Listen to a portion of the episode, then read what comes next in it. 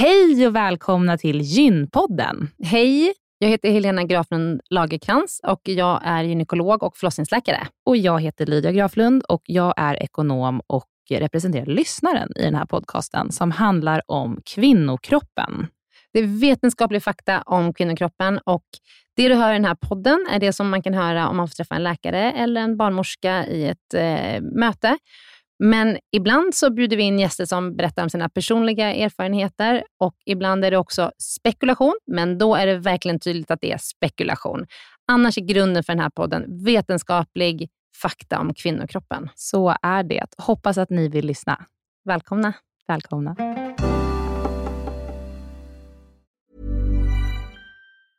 Quality sleep is essential for boosting energy, recovery, and well-being. So, take your sleep to the next level with Sleep Number. With a Sleep Number smart bed, you can individualize your comfort level and enjoy a better sleep night after night. JD Power ranks Sleep Number number 1 in customer satisfaction with mattresses purchased in-store. And now the Queen Sleep Number C4 smart bed is only $1,599, a saving of $300, only for a limited time.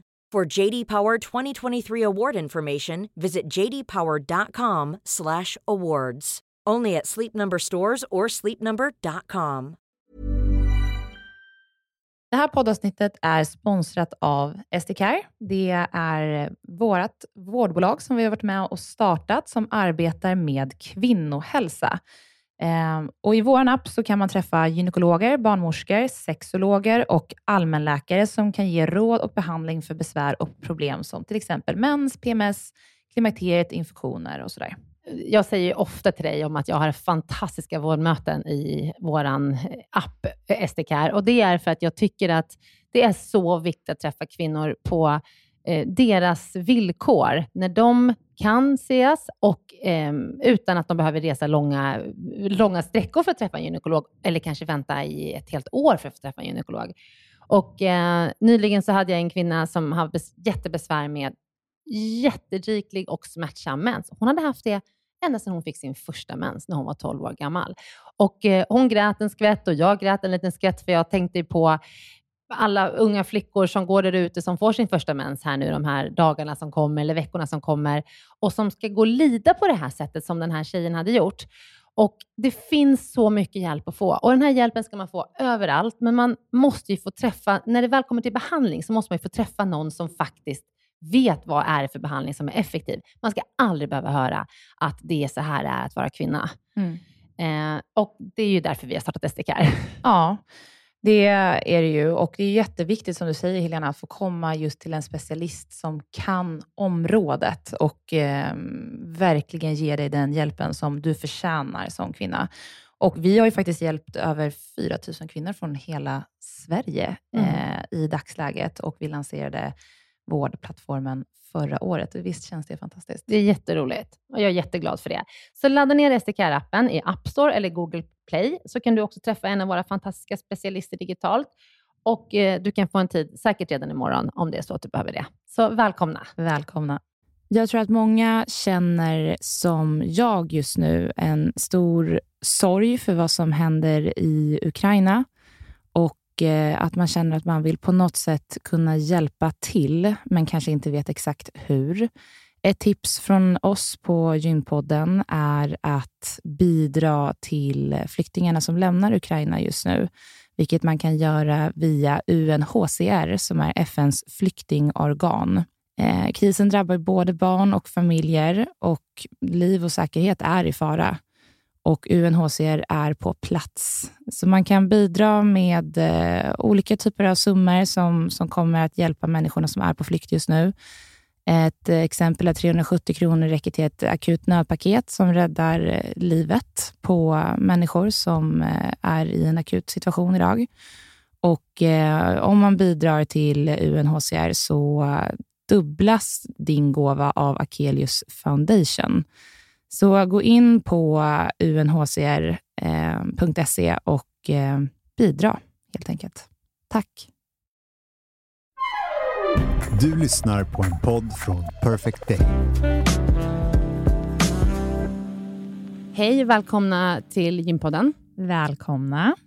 Idag ska vi fortsätta prata med Malin Drevstam. Ja. Välkommen Malin. Välkommen. Och Malin har ju varit här i ett tidigare avsnitt där vi trodde att vi skulle kunna prata om både närhet och sexualitet, men vi hann inte det. Det är ett otroligt stort område som är jätteintressant. Så vi delade upp det i två och idag ska vi prata om sexualitet. Mm. Så Malin är sexolog och om ni inte har lyssnat på tidigare avsnitt med Malin här hos oss, så lyssna på det för att få en jättefin intro och bakgrund till hur vi människor är och fungerar och anknytning och vad, vad som påverkar oss. Men sen har ju du också haft en podd sen tidigare Mm. som fortfarande finns att lyssna på. Mm. Sexterapeuten. Sexterapeut. Just det. Där tar jag upp lite om anknytning i vuxenrelationer, men också svarar jag på lyssnarfrågor. Så det- Mm. Och sen finns du som författare till Boken Lust och olust om sex, närhet och anknytning. Mm. Superintressant. Mm, ja, men, och där pratar vi också mycket mer om vem du är. Så att jag tycker så här, nu, Vi kör nu igång. kör vi igång. Mm. Och Ja. vill ni lära känna Malin så lyssna på det poddavsnittet som sändes tidigare. Så dagens avsnitt, sexualitet. Yes.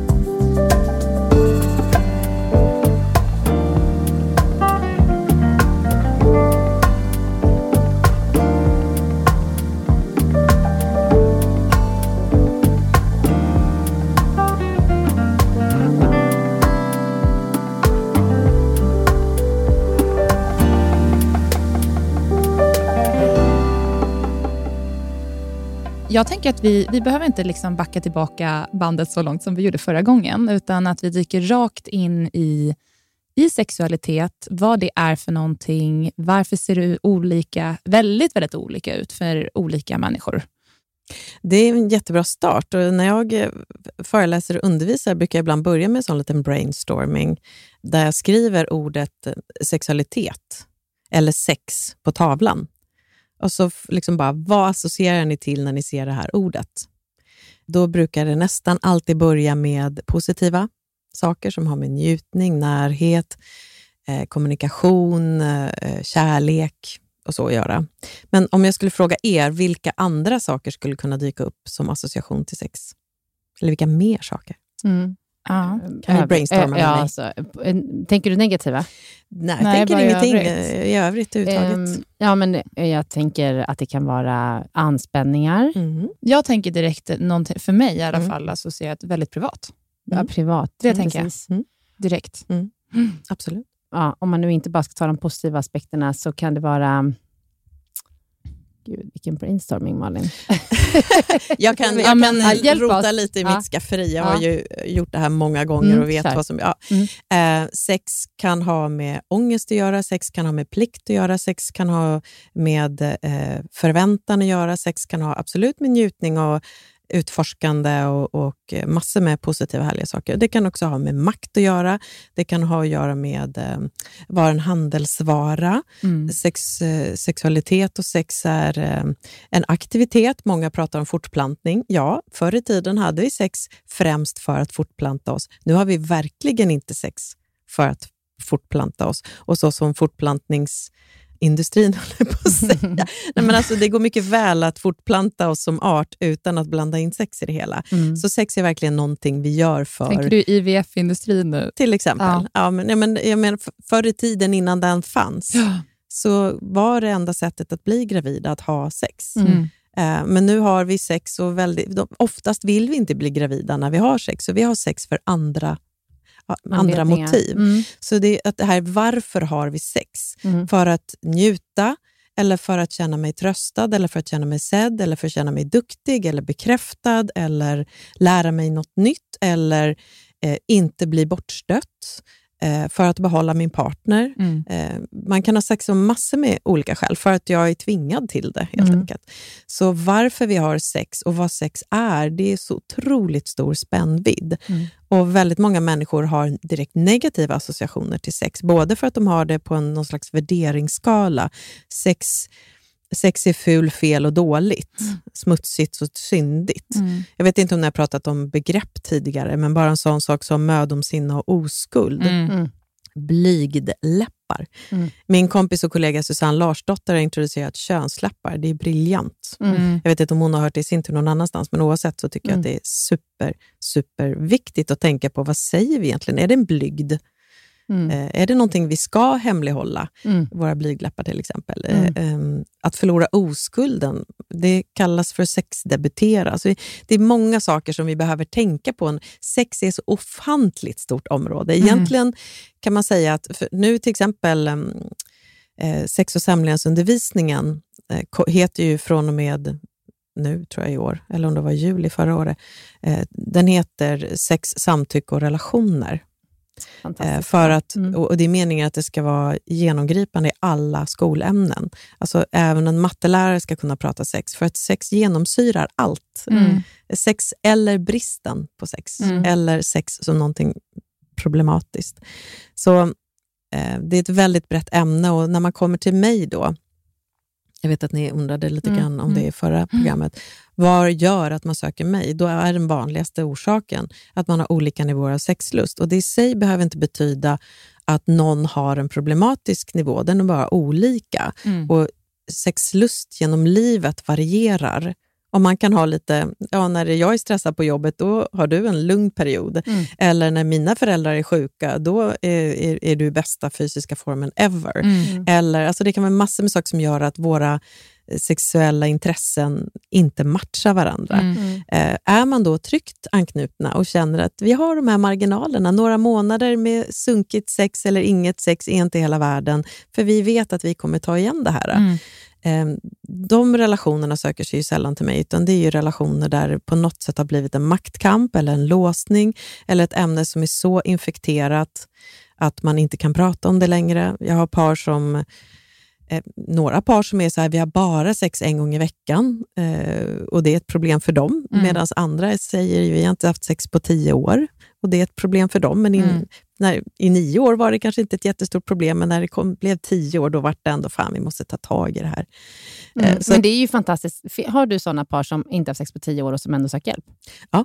Det är ju Det- ja. fantastiskt. Och som har fortsatt vara gifta. Och man då, Ja. frå, då är det ofta man frågar, vad är det som gör att ni söker just nu? då? Varför sökte ni inte efter åtta år? Mm. Eller, men då är det saker som dyker upp. Det är kanske någon som, kanske är det så att barnen har flyttat hemifrån och det plötsligt öppnar upp då. Vi har alltid trott att då kommer sexlivet komma igång, Mm. när barnen har flyttat hemifrån.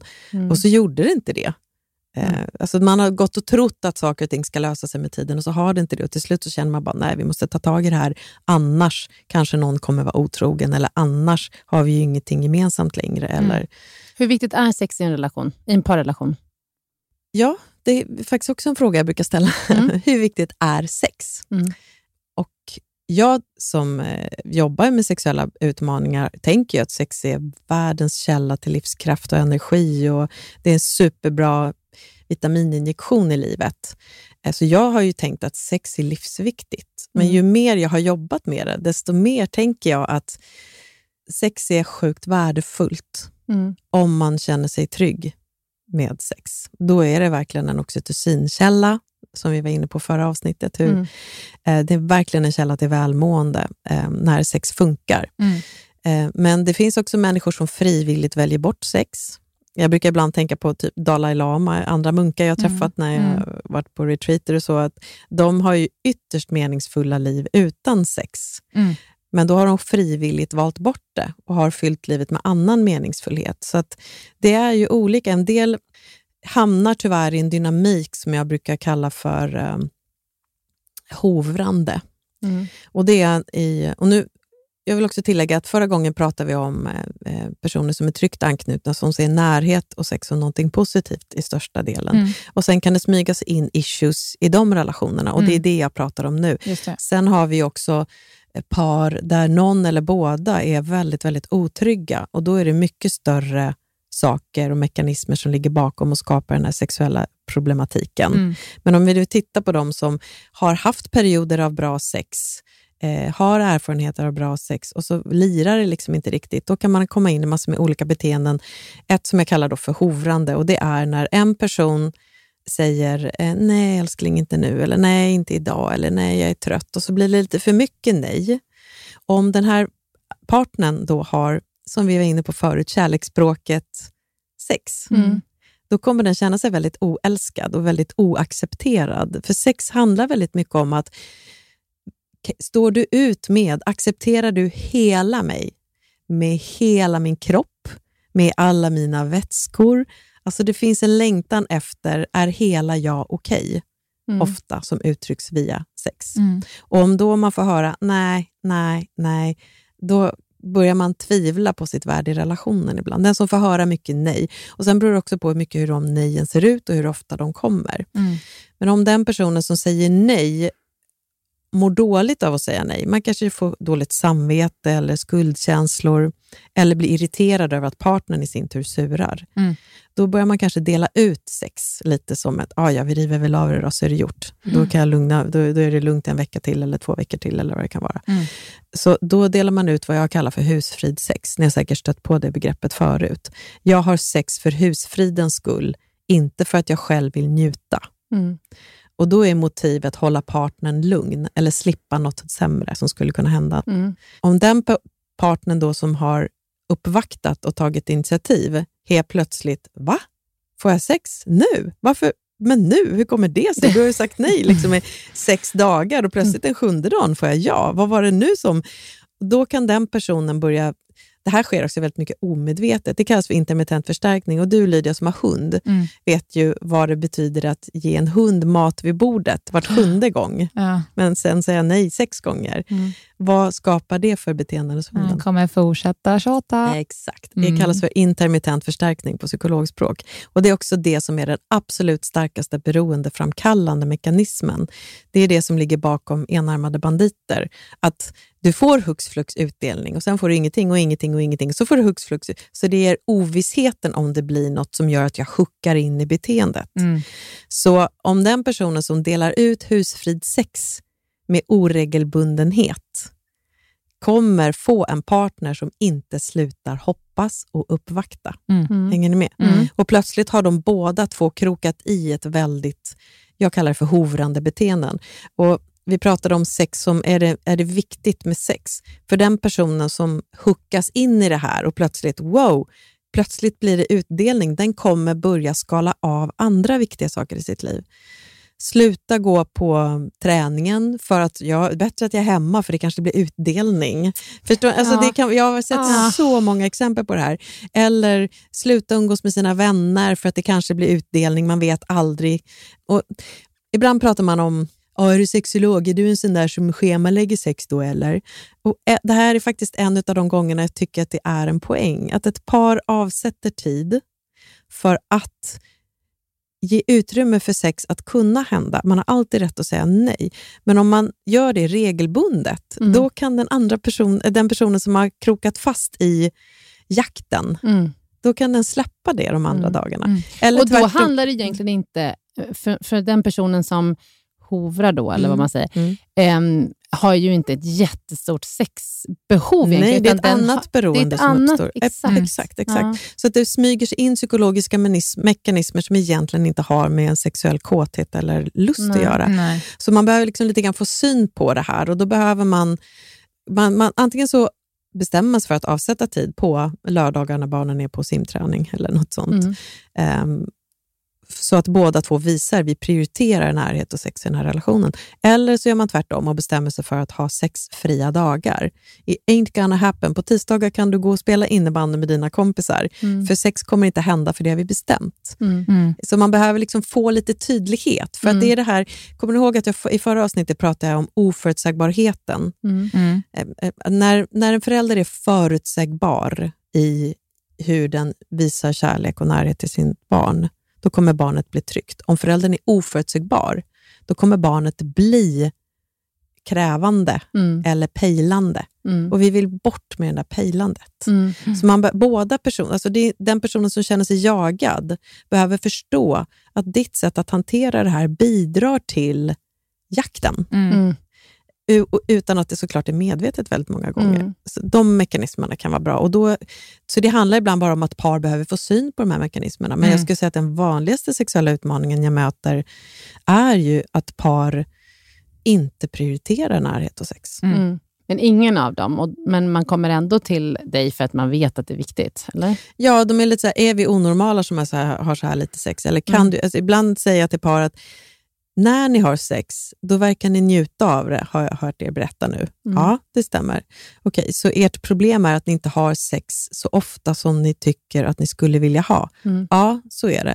Så det ni behöver är egentligen inte en sexexpert, ni behöver en PT som ser till att det blir gjort. Mm. Mm. Om du förstår vad jag menar. Mm. Eh, alltså någon som har, de behöver disciplinera sin närhet och sin intimitet och sitt sexliv. Mm. Sen kan det såklart ha gått troll i även det. Mm. Det sexet vi har har blivit så enformigt till exempel. Eller jag tycker inte att du ger mig tillräckligt mycket uppmärksamhet eller närhet i övriga tiden, så varför ska jag plötsligt ställa upp? Och Det kan man ju behöva klura på, men det är inte i min värld det är inte alltid helt lättlösta utmaningar, men de handlar inte om svår otrygghet. Nej. Jag träff, man, om man kan säga att gå till en sexolog eller en psykoterapeut, som, alltså egentligen är ju min grundkunskap psykoterapi, om man säger så. Det är viktigt att ha den kompetensen, tänker jag. Mm. Eh, och Sen har jag ju vidareutbildat mig när det gäller sexologi, så att jag kan se även funktionsproblem och sånt. Men om man tittar på själva dynamiken i relationer så är det ju, är det ett tryggt par som har normala sexual, sexuella utmaningar så kan det handla om att få dem att se på hur de prioriterar sina aktiviteter i livet. Mm. Alltså vad, vad, när, den här närheten som ni tycker att ni borde ha, när ska ni ha den? Ni kan inte ens enas om en tid att gå till terapeuten. När ska ni då hinna vara nära? Alltså, Mm. Mycket handlar ibland för mig om att så här, ser ni vilket orimligt livspussel ni har skapat åt er själva? Mm. Ibland har man inte ens skapat åt sig själva, utan man har barn med speciella behov. Man kanske själv har speciella behov, eller så har man släktingar eller föräldrar med speciella behov. Ja. Mm. Så ibland sitter man i en soppa, men de, då är det ofta mer begripligt. Så när man väl söker sig till en sexterapeut, eller en sexolog och psykoterapeut, Mm. Alltså det är lägre tröskel att gå till en parterapeut än till en sexterapeut. Mm. Så då är ofta problemen ganska allvarliga när man kommer till Till dig. mig. Mm. Ni med? Jag har en fråga. Det här Mm. handlar ju mer om omständigheter som vi pratar om nu. Mm. Att så här, schemat ut på ett visst sätt eller att någon, det har blivit någon bugg i relationen Mm. på något sätt. Om man går tillbaka till sexualitet, Mm. vad är det? Vad är sexualitet utifrån anknytningsteorin?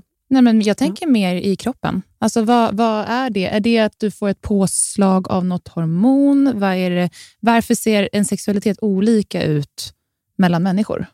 Menar du sexuell upplevelse då? Sexlusten tänker jag på. Sexlusten, okej Ja. bra, bra. Det är väldigt noga med begreppen Ja, men jag förstod. Jag insåg det själv nu när vi pratade. Mm. Sexlusten Okej. menar jag nog. Mm. Det som ändå Mm. kanske formar din sexualitet på ett sätt. Absolut. Och sexlust, eh, om jag bara skulle... Ja, det kanske blir för intimt att fråga här, men Mm. om jag tänker på mina klienter. Mm. Jag gjorde nämligen en studie, eh, på fem stycken, en intervjustudie på fem stycken kvinnor som eh, handlade om att utforska vad är egentligen sexuell njutning. Mm. Där jag satt i eh, en timme var med fem kvinnor mellan 19 och 29 och frågade dem precis det här. Hur känns det i din kropp när du känner lust? Hur vet du att det är sexlust du har? Eh, och hur känner du när du njuter? Vad i kroppen är det som uttrycks då? Och det är väldigt få som vet det och kan Mm. berätta det faktiskt. Men Eller, men jag tänkte Mm. till, till dig som läkare, Ja. Helena. Mm. Vad, liksom fysiologiskt, om man ser på människokroppen, Ja. är det ett hormon som utsöndras? Kan Eh. du det här? jag tittar på Malin. är det oxytocin? Eh, alltså det driver ju inte... Det, alltså, eh, lusten tror jag är mycket mer det som vi varit inne på. Att det är stadier i livet. Alltså dels är det ju den här första relations, alltså tiden i en relation. Det är ju någonting. Det är ju en kemisk... Eh, det är egentligen en cocktail av hormoner. ja, Ja, en cocktail av hormoner. Mm. Men sen i, liksom, senare i livet, när de här första sex månaderna Mm. gått över, liksom, eller så, vad är det som gör att man har olika lust i livet? Och Det tror jag är eh, omständigheter i livet. Alltså, som du- Bara? Alltså att man har, människor har inte olika sexlust i grunden? Nej, nej, abs- det är inte, det är inte en, du är inte född åh, nu här, här föds Lydia, vi ger henne sju av tio sexlust. Nej. Och här kommer Kalle och han har nio av tio. Nej, så Och, är och, det. och det här med att killar alltid vill och alltid har jättehög Mm. sexlust, det stämmer inte heller. Nej. Det är ju bara socialt konstruerat. Exakt, Så att exakt. det beror på var man är i livet, Mm. hur man sover, hur mycket ångest man har, hur mycket man jobbar, mm. om man har mediciner som påverkar Ja. om man, och så vidare.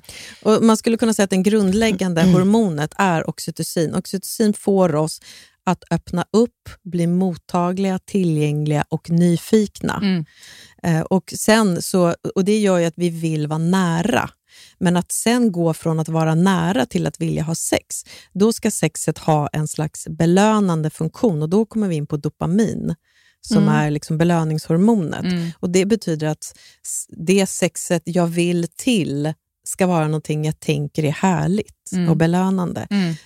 Och sen Ja. kommer jag ihåg från då den sexologin som var under min specialistutbildning, att, att eh, det handlar väldigt mycket också om att sex föder sex, Mm. eller lust föder lust. Mm. Så att, eh, Bra sex föder Bra sex. Ja, Mm. bra sex, Mm. precis. Förlåt. Eh, och att man, eh, har man kommit ur den spiralen så då är, pratade man faktiskt om schemaläggning där. Mm. Att eh, se till att ni ligger tisdagar och lördagar. Mm. Då kommer det vilja, då kommer det liksom tuffa igång den här liksom önskan att vilja ha Mm. sex. Och exakt vad det är, om det, det är säkert hormonellt, men det är också något center i hjärnan som jag inte kommer Mm. ihåg, det, som blir stimulerat. Alltså man, man kan säga att det Någonting är, det är hormonerna som styr hur vårt nervsystem utvecklas i det här Mm. fallet.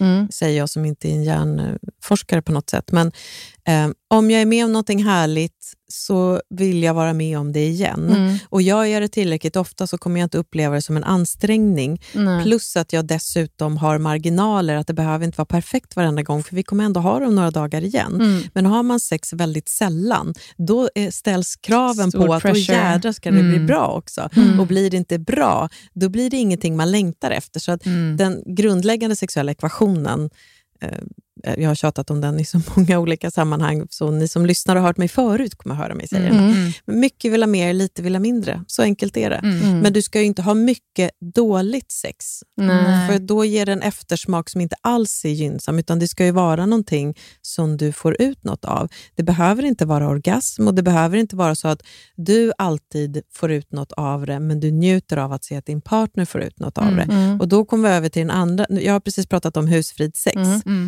Och Då kommer vi över till det jag vill introducera mer, som är gåvosex. Och när man tittar på tryggt anknutna par, där man känner sig känslomässigt sedd, man känner att partnern finns där för en och bryr sig. De har mycket större tillgång till sex i ett mycket bredare register. Det vill säga, åh, jag märker att du är sugen. Jag är inte supersugen idag, men jag kan gärna hjälpa dig att Mm. njuta om du vill. Mm. Så att man kan vara generös med njutning utan att man ser det som ett tvång eller plikt, utan mer som en omtänksamhetshandling. Mm. För jag mår bra av att se dig njuta, men just idag känner jag mig för långt borta från att komma i, i, i form själv. Mm. Eller så kanske jag kommer i form, märker jag, när jag faktiskt ger mig in i det här och förvånar mig själv. Jag ville tydligen, trots allt.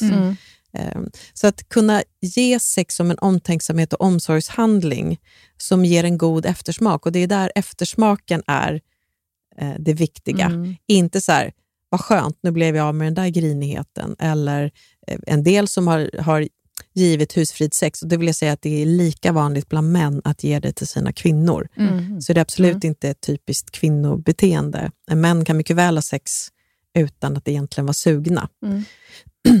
Ehm, vilket betyder att eh, om, det kan, eh, om jag inte står ut med risken att min partner kommer vara tjurig, utan jag har sex, och efteråt så visslar min partner och är supernöjd, och jag tänker bara, fy fan, nu kan du minsann vissla och vara glad. Men, alltså det, finns, det har jag hört så många Har du inte så mycket på. andra problem då också? För då känns det nästan som att du har en aversion mot din Jo, partner. jo, både en aversion men också en tanke om att män är på ett speciellt sätt eller kvinnor är på ett speciellt sätt och det är typiskt si eller typiskt så. Eh, apropå det här med att du inte du föds inte med en given sexlust.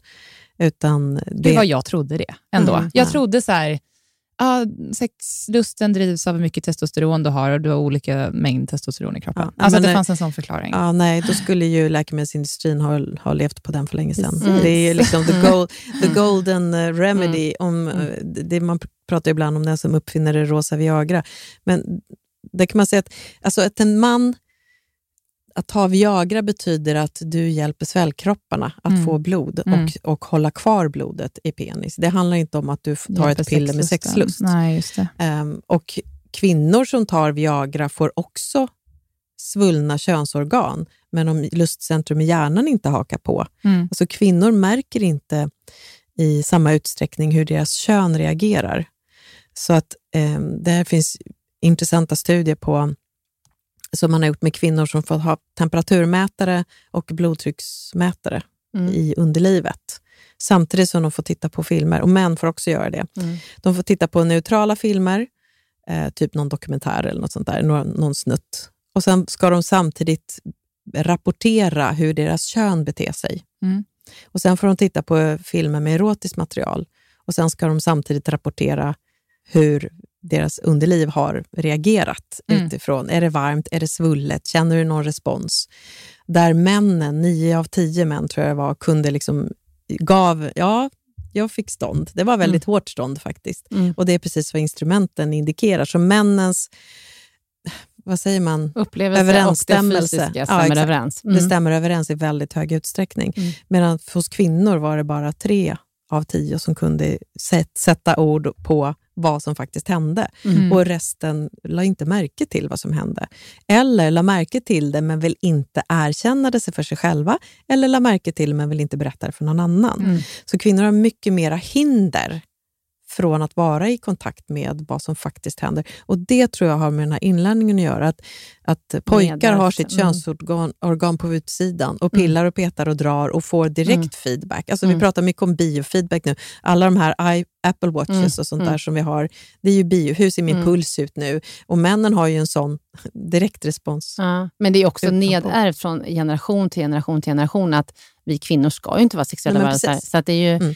här, Det- men det, det- tycker jag lite i och för sig att det håller på att ändras. Ja, jag Ja. hoppas Mm. verkligen det. Ja. Men, men det så man säger så här, även om kvinnor uppmuntras att Mm. röra vid sig själva, utforska Mm. sig själva, så är det ändå ganska ergonomiskt opraktiskt. Mm. Alltså en kvinna kan inte se responsen om man inte Mm. använder spegel och aktivt letar. Så att en kvinna behöver bli väldigt duktig på att inuti Känna. känna Mm. vad som händer. Mm. Men ju duktigare man blir på det, desto mer tydligt märks. Så kvinnor, apropå min studie om sexuell njutning, Mm. de kvinnorna, för det var kriterier var, har du upplevt sexuell njutning, kan du tänka dig komma och berätta om det? Mm. De var otroligt medvetna om hur deras kroppar reagerade på sexuell respons. Say hello to a new era of mental health care. Cerebral is here to help you achieve your mental wellness goals with professional therapy and medication management support. 100% online. You'll experience the all new Cerebral Way, an innovative approach to mental wellness designed around you. You'll get a personalized treatment plan from a therapist, prescriber, or both in a safe and judgment free space. Your Cerebral therapist or prescriber will outline a customized plan with clear milestones along the way so you can get to feeling your best. With Cerebral, you're not alone in your mental health journey. We're here to empower you to live a fulfilling life. So take that first step towards a brighter future and sign up today at cerebral.com slash podcast and use code ACAST to get 15% off your first month. Offer only valid on monthly plans. Other exclusions may apply. Offer ends July 31st, 2024. See site for details. Ready to pop the question? The jewelers at BlueNile.com have got sparkle down to a science with beautiful lab grown diamonds worthy of your most brilliant moments. Their lab grown diamonds are independently graded and guaranteed identical to natural diamonds, and they're ready to ship to your door. Go to BlueNile.com and use promo code LISTEN to get $50 off your purchase of $500 or more. That's code LISTEN at BlueNile.com for $50 off. BlueNile.com code LISTEN. Veckans avsnitt är sponsrade av eh, mittpreventivmedel.se. Det är en sida där Bayer har samlat mycket information som är superbra när man ska välja preventivmedel. Mm. Lydia, du har varit inne på den. Jag har varit inne på den och eh, det finns ett jättebra test Mm. som man kan ta för att eh, alla preventivmedel passar inte alla personer. Det är ju Nej. ganska komplext och det är ganska mycket faktorer som spelar in när man ska välja preventivmedel. Det, det kan vara liksom att man har hört från en kompis eller en influencer att ett visst preventivmedel har funkat jättebra för henne, men det kanske inte passar just din kropp. Eller så eh, har man olika typer av eh, drag, personlighetsdrag. Man är välorganiserad, då passar det kanske att ta p-piller. Eller så är du inte särskilt välorganiserad och kan ta ett piller varje dag. Då passar det kanske att ta hormonspiral eller eh, någonting annat som inte kräver att du, du behöver ta ett piller varje dag, för att då kanske du glömmer det till exempel. Precis. Och eh, när man kommer till en barnmorska eller en gynekolog för att få en strukturerad preventivmedelsrådgivning, då är det superbra att vara lite förberedd, så att man kan ha gjort det här testet inför det. För det är ju det som man ska liksom ta i beaktande när man ska välja sin preventivmedelsmetod, det är ju hur är min mens? Mm. Har jag mycket mensvärk? Vad händer om jag blir gravid? Liksom, är det sådär att du känner att ah, det finns ingen bra timing, blir det barn så blir det barn. Mm. Då behöver man inte ha någonting som är lika säkert Mm. som om det var sådär att skulle jag bli gravid nu, då, då skulle jag välja att göra en abort, vilket är liksom någonting som ändå är ganska tidskrävande och Ja. besvärligt och jobbigt för många. Eller att det är farligt för en att bli gravid. Ja, och farligt att bli gravid. Då Ja. måste man ha ett jättesäkert skydd.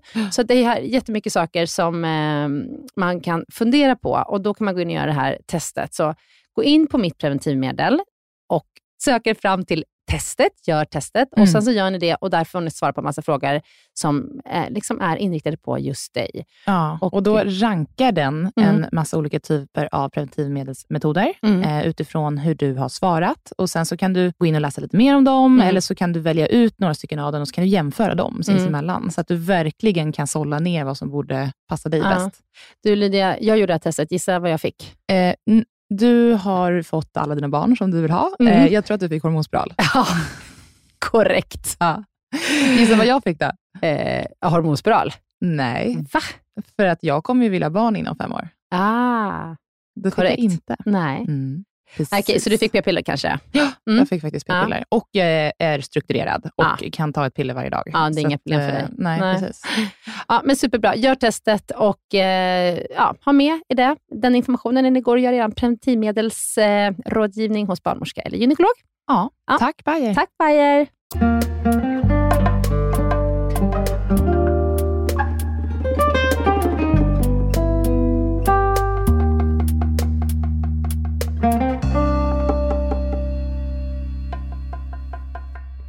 Du, nu kör vi på lite frågor här. Mera, frå- du har ju ställt lite frågor här vartefter, men vi har ganska många kvar. Ja, det har vi. Jag tänker i och för sig att jag skulle vilja ta ett, ett sista liksom stort område kör. innan vi går in Mm. på det. Mm. Och Det är ehm, ja, men dels förändras, det här känns i och för sig kanske som att vi har varit inne på att det är omständigheter om, om sex... Men förändras liksom, sexualitet över, över tid? Ja, men precis. fråga. Det är så sexlusten eller sexualitet, precis. Förändras den över tid?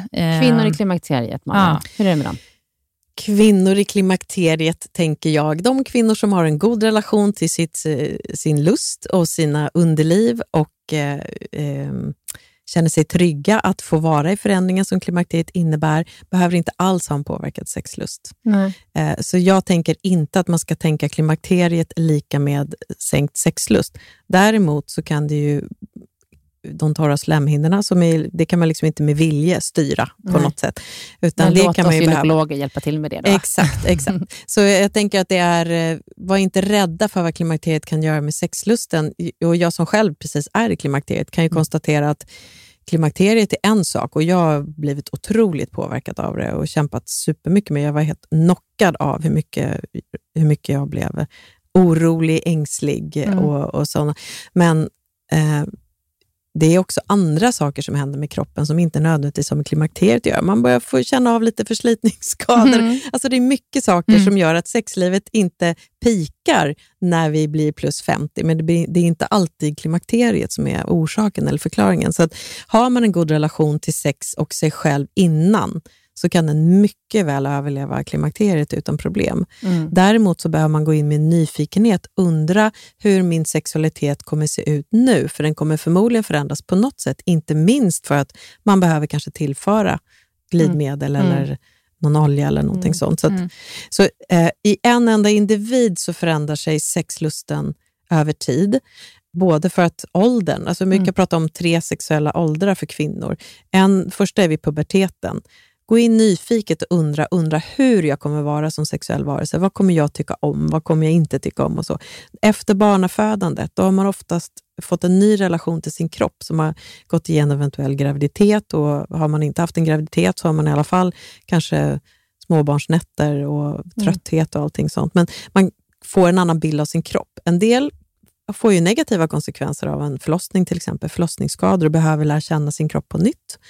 Medan andra upplever, shit vad min kropp klarar av, Mm. wow, och blir superstolt och känner sig Mm. som superstarka och verkligen kan glädjas åt det på det sexuella planet också. Mm. Så puberteten efter barnafödandet och i klimakteriet, och då behöver man vara nyfiken på sin sexualitet, Mm. men man ska inte utgå ifrån att den kommer bli försämrad. Nej. Nej. Och, och sen tänker jag så eh, ofta när det kommer till kvinnor och att man oroar sig så mycket för ålder och för att man ska förtvina och många undrar så här, återbildas underlivet efter klimakteriet och hur blir det? Och jag vill eh, verkligen liksom stärka kvinnor att det blir bra. Alltså jag är ju 41, men jag träffar många kvinnor som är äldre och En del har inte sex och tycker inte att det är något stort problem, men många har sex och är superintresserade av Mm. det, om det nu kommer till just den frågan. Mm. Och att, ehm, att man ska jobba jättehårt för att behålla sin hälsa, alltså att behålla, inte gå upp i vikt, det är jättejobbigt. Mm. Det är jobbigt Mm. ur så många olika synpunkter. Man får mera ont. Man liksom, eh, att försöka behålla vikten, att försöka behålla god hälsa eh, och, och kostvanor och liksom fysisk aktivitet, det blir bra. Mm.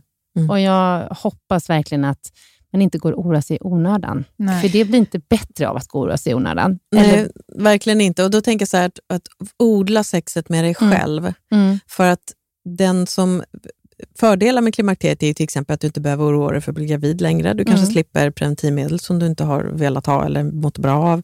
Men det viktigaste är ju hur relationen ser ut. Hur mycket får din nyfikenhet slash undran kring hur du fungerar plats i relationen? Är det någon, har du en partner som absolut vill att allting ska ske på exakt samma sätt som förut? mm, då kan det ju bli lite problematiskt, för man kanske behöver göra vissa justeringar. Vissa ställningar kanske inte är lika sköna som förut. Man kanske behöver en annan typ av eh, inledande smekövningar eller, eller smek, smekningar eller annat. Eller man kanske behöver piffa med lite mer krydda, lägga till lite fantasier eller så. Mm. Och har man en partner som i sin tur brottas, för jag träffar ju väldigt mycket män, mm, och många män som börjar få problem med erektionen mm, kan behöva lite mer, eh, eh, både se över sin livsstil, Mm. apropå stress och övervikt och mm, eh, hela de bitarna. Men också eh, kan män behöva lite mer eh, annan typ av smekning. Jag vill inte använda ordet förspel, men Mm. det man gör innan en eventuell penetration mm, behöver kanske vara längre och se ut på ett annat sätt även för männen. mm. Så det kan ju, man behöver säga, oj, jaha, nu, är vi tydligen, nu, nu funkar vi inte som vanligt. Vad, vad tror du att du behöver och vad tror du att du behöver? Och jag har Mm.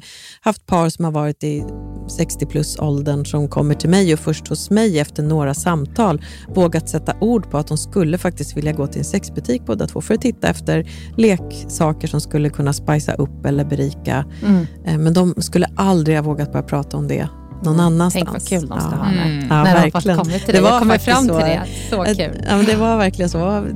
Vi är inte i Stockholm så ofta Nej. Malin. Jag vet att vi har tio minuter kvar på vårt samtal här, men kan vi gå? För de stänger affären snart. Det är sant. Underbart. Vad glad jag blir.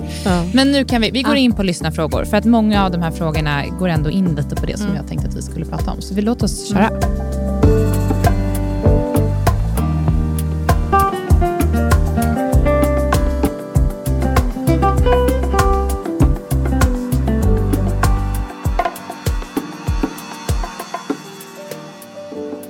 Sex efter förlossning, vad kan man förvänta sig? Jag tänker att eh, sex efter förlossning, det, det, alltså det tror jag du kanske har bättre Mm. koll på rekommendationerna. Men Mm. i min värld så är det ju, se till att ha mycket närhet, se till att göra saker som känns lustfyllda, men Mm. avvakta med all form av penetration tills du känner dig ehm, redo Mm. för det. Och Då tänker jag att man kan mycket väl nu blir jag väldigt specifik och detaljerad här, så Mhm. ni som blir besvärade av alla lyssnare får hålla Får för öronen. ändå. Nej, men jag tänker så här, låt, eh, om du har sex med dig själv, låt en, en sexleksak ligga mot slidöppningen, mot vulvan. Låt en erigerad penis, ollonet, låt det ligga emot. Vänta, vänta, vänta tills din kropp säger välkommen. Mm. Eller kom nu för tusan, jag står inte ut med att vänta. Så Mm. vänta in. Mm. Men inte genom att sitta i varsin sida av en tv-soffa. Man behöver liksom närma sig, men, för det är ju det många är oroliga för, tänker jag, sex efter förlossning. Mm. Hur ska själva penetrerande biten Mm. se? Annan typ av sex kan man ju ha hur mycket som helst. Men det är ju som du säger, ibland är man ju väldigt trött på fysisk närhet för Mm. man går och bär ett barn hela tiden. Så Men får jag Ja. lägga till där Mm. en grej då? När man ammar så har man ju lägre eh, östrogendoser mm, eh, i kroppen än vad man har vanligtvis i fertil, i fertil period. Och då blir slemhinnorna ungefär som en kvinna som är efter klimakteriet. Så de blir sköra och to- torra och, och, och kan göra jätteont Mm. sex av den anledningen. Mm. Och Då kan man verkligen använda massor med glidmedel.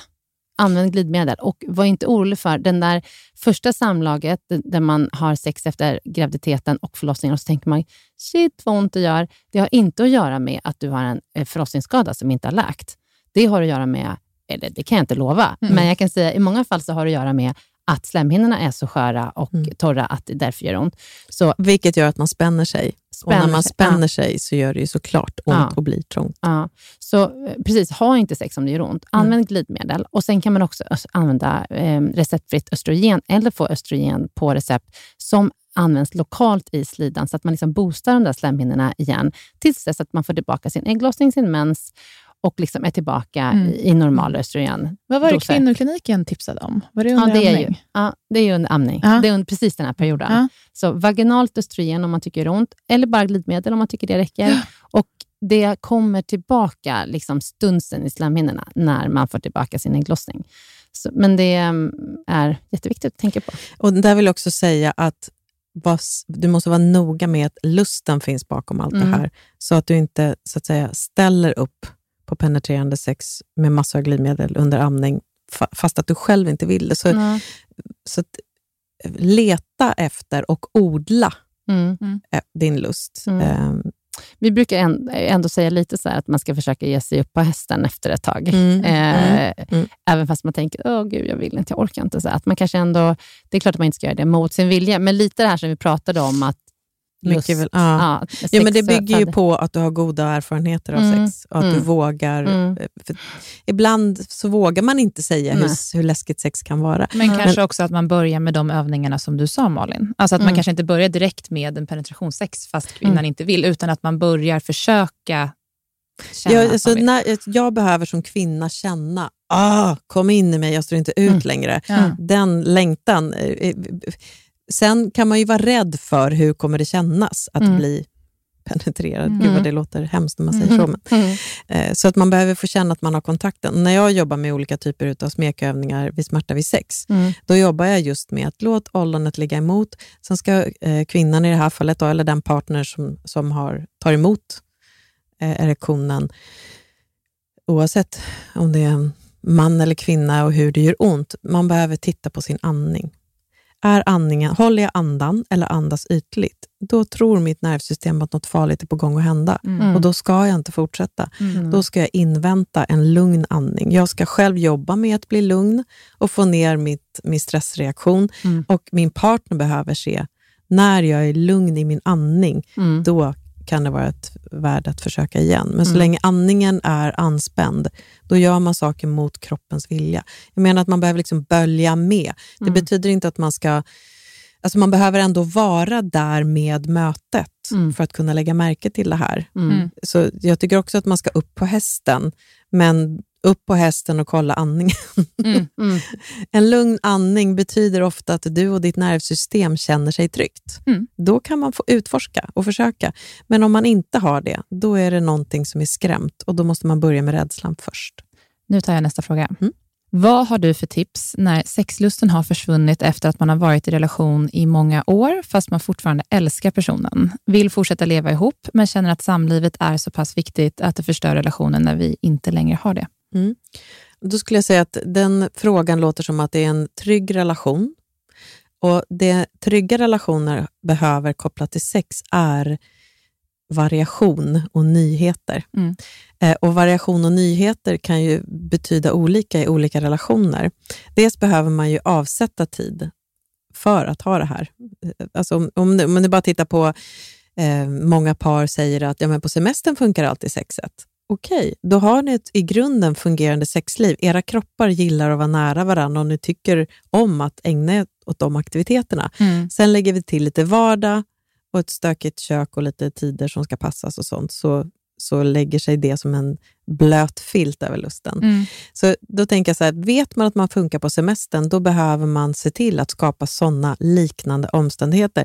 Här kommer jag som en veckorevinspalt och säger, mm. åk iväg på en hotellweekend, men det Mm. har betydelse. Om man är ett tryggt par, Mm. då ska man gå till sexleksa- eh, sexaffärer eller leksaksaffärer, eller vad man ska säga. Mm. Eh, man kan åka iväg och få enskild tid. Man, man kan vinna på att ehm, kanske köpa nya underkläder eller vad det nu kan vara. Också titta på filmer, läsa böcker, lyssna på fantasier. Det finns ju ganska mycket poddar eller såna här appar nu med olika typer av inlästa fantasier. Så att man behöver liksom skapa variation och nyheter helt Man måste enkelt. jobba på det, Ja, det ja, fast det, ja, jo, man behöver Eller anstränga man behöver anstränga sig. Ja, precis. Och eh, Ibland kan det räcka med att man bara gör någon adrenalinig aktivitet tillsammans. Jag och min man åkte ut till landet i helgen. Ehm, jag ska inte prata om vårt sexliv. Men, Gud, så jag tänkte, vad kommer nu? nej, men eh, eh, vi åkte ut till landet och då var det väldigt, väldigt stormigt och det gungade och det, allting blev plötsligt bara värsta äventyret. Och vi tittade på varandra och bara, shit vad spännande det känns Mm. ändå. Och ändå åkte vi till landet som vi gjort varenda helg i 20 år. Ja. Men bara för att vi gör någonting som avviker från det vardagliga Mm. kan vara bra för relationen, även om det inte är sexuellt. Att se varandra i... Och vi kan ta den här frågan som är egentligen en Esther Perel, som är en eh, stor relationsguru Mm, i min mm. värld. Hon har ställt frågan till sina par, vad är det din partner gör eller vilka omständigheter råder när du är som allra mest attraherad och känner mm, Mm. honom vill jag ha eller henne vill jag ha. Vad är det, vad är det han eller hon gör då? Ja. Eh, och då är ju svaret väldigt ofta att eh, min partner är uppklädd, ska iväg, bort, göra någonting som den tycker om. Eller när jag ser min partner utöva en hobby, när min partner sover, när Mm. min partner är på väg till jobbet eller Mm. just kommer hem från jobbet. Alltså när vår partner inte är riktigt within reach, alltså inom räckhåll, Mm. och verkar väldigt nöjd med livet. Då blir jag attraherad av partnern. Mm. Och Det kan man använda sig av när man ska leta efter hur ska vi öka attraktionen i relationen. Ja, men åk och hälsa på din partner på jobbet Mm. och se hur skicklig partnern är på jobbet. Mm. Eller ta en lunch i arbetskläder om man nu tycker att arbetskläderna är piffiga. Jag älskar när min man sätter på sig motorsågskläder till exempel. Men sen finns, alltså, klä upp er för varandra, betrakta varandra på fest, se till att skapa lite avstånd. Mm. Man behöver avstånd för att åtrån ska växa. Du kan inte åtrå något som du redan har. Hänger ni med? Kan Mm. man inte det? Nej. Alltså det går, för att åtrå betyder vilja ha. Mm. Okej. Så att du, du kan åtrå någon du har en relation med, men Mm. den behöver verka nöjd och lycklig utan dig. Okej. Mm. Då kommer du vilja dit. Mm. Vi är som allra mest attraherade av vår partner när de behöver oss minst. Men när vår partner är då, förstår du, då blir det ingen... Nej, gud, då blir man bara Åtrå. trött på Förstår du honom. skillnaden mellan att ha och vilja ha? Ja. Verkligen. Åtrå, handlar om att ja. vilja ha. Ja. Och Då behöver vi skapa omständigheter som gör att jag inte riktigt känner igen den jag har framför mig, för den Mm. vaknar plötsligt upp i en hotellsäng. Mm. Eller jag ser den på sitt jobb. Eller jag, jag, går, jag bevakar inte den på festen, utan jag står och tittar på den när den står och pratar med någon annan på festen och tänker, tänk ändå att det där är min partner. Mm. Det är ett sätt att... Men det är trygga relationer. Mm. Sen om, det, om, man, om man har en otrygg relation där det verkligen handlar om, är det vi? Finns du där för mig? Eh, då kanske man behöver leta på andra nivåer. Mm. Ja, och på samma fråga då, om man inte känner det när man åker till den där hotellnatten, man, man är fortfarande inte intresserad, vad, ska man skilja sig då? Nej, Eller vad, jag, vad händer då? Vad, vad Alltså, är det beror- liksom... jag tänker att eh, det är lättare att strunta i att odla sin sexlust än att odla sin sexlust. Så jag tänker att man behöver odla sin sexlust. Men jag tänker inte heller att man ska liksom... åh, eh, man behöver träna på att vara nyfiken på sig själv och man behöver ta reda på vilka omständigheter brukar råda när jag är i kontakt med en lust. För jag tänker så här, ehm, och ibland känns det som att jag ska försöka sammanfatta 20 års erfarenhet och kunskap i, i, under några minuter, Mm. men så här. Du ska ha din partner, så här, hej, får jag använda dig för jag vill njuta en stund? Inte, du är så jädra läcker att jag kan inte låta bli att äta dig. Det är helt olika sätt att se på det. Mm, Hänger du med? mm, Det, det är liksom inte... Det det är inte min partner som gör att jag har en sexlust. Jag har en sexlust och jag använder mig av min partner och min partner älskar att bli använd Mm. för min skull. Mm. Så jag behöver odla sexualiteten i mig själv. Mm. Jag vill vara en sexuell varelse, inte en sexig person som den andra bara vill ha. Mm. Mm. förstår? Man, ska, man ska ha sin egna sexualitet och bjuda in den andra att ta del av det. Mm. Och också hjälpa andra med sin sexualitet. Men det är inte så här, äh, jag kan inte stå ut om jag inte får hoppa på dig nu, för du är så attraktiv. Utan, det är det som är Mm. skillnaden. När vi inte känner varandra i början av en relation, då funkar ofta sexlivet, för vi gör ingenting annat än utforskar den andra. Mm. Och tänker på var vi ska ses, hur vi ska se ut, vad vi ska äta, vad vi ska göra. Alla våra tankar fokuserar kring den andra personen och det vi kan göra tillsammans. Mm. Har man levt länge, då tänker man väldigt sällan på sin partner och framförallt inte på njutningsfulla saker. Mm. Så man behöver liksom odla sexualiteten i sig själv och sen använda sin partner för att njuta av den. Mm. Mm. Och det i sig kan vara en helt sexuell... Det är lätt att... Alltså jag, många kvinnor kommer till mig för att de säger så här, jag känner inte mig själv sexuellt. Jag har insett nu att jag har haft sex för andras skull hela mitt liv. Mm. Det har inte varit dåligt sex och det har inte varit ett sex som jag känt mig tvingad att ha. Men jag har bara tänkt att man har det för man ska ha det. Mm. Och nu vill jag förstå vem är jag egentligen Mm, sexuellt och vad vi... Och det händer väldigt ofta kvinnor, i, inte nödvändigtvis i klimakteriet, men när barnen flyttar hemifrån Mm, och de får mm. mer tid över, då hittar de plötsligt krafter i sig själva som de är så här, wow! Mm. Eller det är så också en himlastormande förälskelse kan ge en in... Gud, nu märker jag plötsligt att jag har ett kön. Det har jag Mm. aldrig tänkt på. Jösses vad Vad det du för råd när de ska försöka hitta sin, sig själva? Då? Ja, en del gör ju det i Resa med mig. Vi försöker förstå vad... Alltså, Om vi ska ge råd till lyssnarna här Ja, nu. råd till lyssnarna är egentligen att du behöver bli medveten om dina sinnen. Vad händer i din kropp? Mm. Hur känns det att vara kissnödig? Hur känns det efter när du inte är kissnödig? Hur känns det när du har en hand på ditt sköte? Hur känns det när du inte har en hand på ditt kö- sköte? Många har inte ens koll på hur det känns att vara kissnödig och bajsnödig om jag ska vara ärlig. Mm. Eh, Så man behöver vara mycket mer uppmärksam på vad som faktiskt händer i våra kroppar. Och Mm. Det kan man göra genom med, medveten närvaro, så mindfulness-träning, framför allt body scans. Och Det ska Mm. man helst göra varje dag, för det är ju när kroppen förändrar sig som vi lägger märke till det. Mm. Just det. Eh, Och att verkligen, verkligen vara medveten om hur känns mitt kön när jag blir upphetsad. Jag kan ge en person i uppgift att eh, läsa en novell eller en bok eller någonting sånt Mm. och vara otroligt uppmärksam på, händer det någonting i min kropp när jag läser det här? Mm. Alltså olika typer av medveten onani, Mm. medvetet självsex. Mm. Använd duschstrålen och var väldigt uppmärksam. I, när man är tonåring kan man ibland vara på jakt efter den där magiska orgasmen. Mm. Så man bara letar efter möjligheter att få en orgasm. Men ju äldre man blir, desto mer kan man lära sig att surfa på njutningsvågen. Mm. Eh, det vill säga, oh, nu vart det skönt, alltså slutar jag att ta bort det jag gör för att lugna ner mitt system för att sen påbörja igen. Och På så sätt så bygger man trappstegsmässigt upp en lust som blir mycket, mycket starkare och mycket, mycket tydligare i kroppen än jakten på orgasmen. Mm. Undvik orgasmer snarare, men ägna dig åt det som du brukar göra innan. Fantastiskt bra tips. Ja. Eh, på tal om orgasmer så är Mm. det en eh, person som har frågat tyck, eh, att hon tycker att orgasmen har förändrats sedan hon fick barn. Finns det Mm. någon eh, vetenskap kring det? Jag vet inte. Nej, jag tänker att det är möjligen att det kanske har skett någonting i...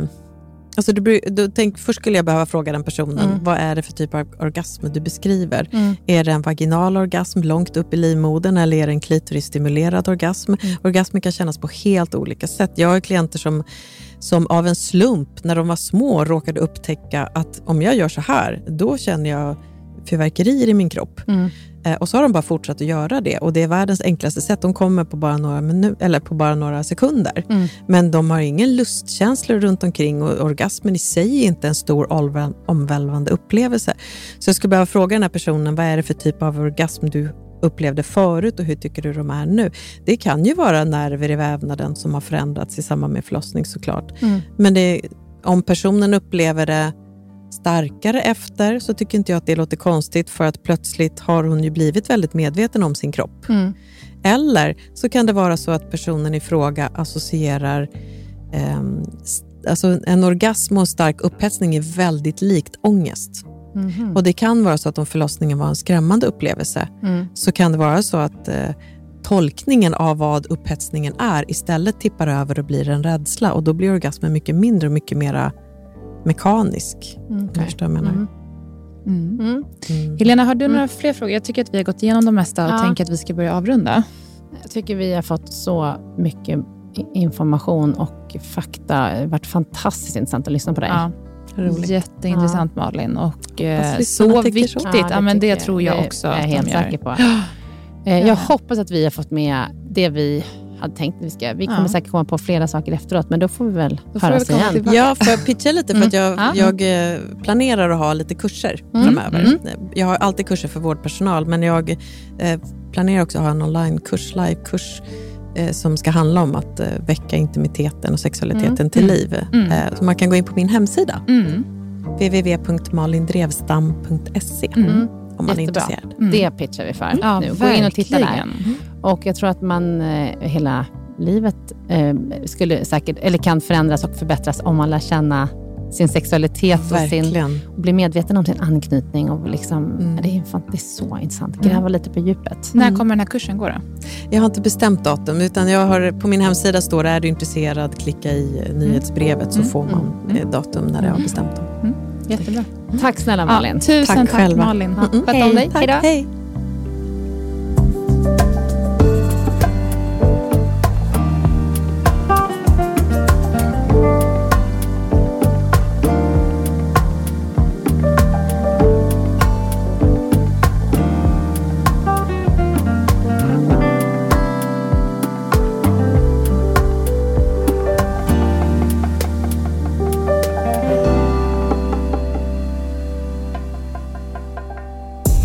podcasten är producerad av Perfect Day Media.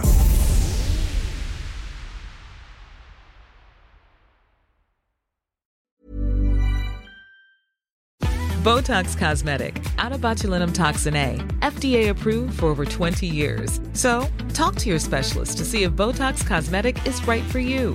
For full prescribing information, including boxed warning, visit BotoxCosmetic.com or call 877-351-0300. Remember to ask for Botox Cosmetic by name. To see for yourself and learn more, visit BotoxCosmetic.com. That's BotoxCosmetic.com.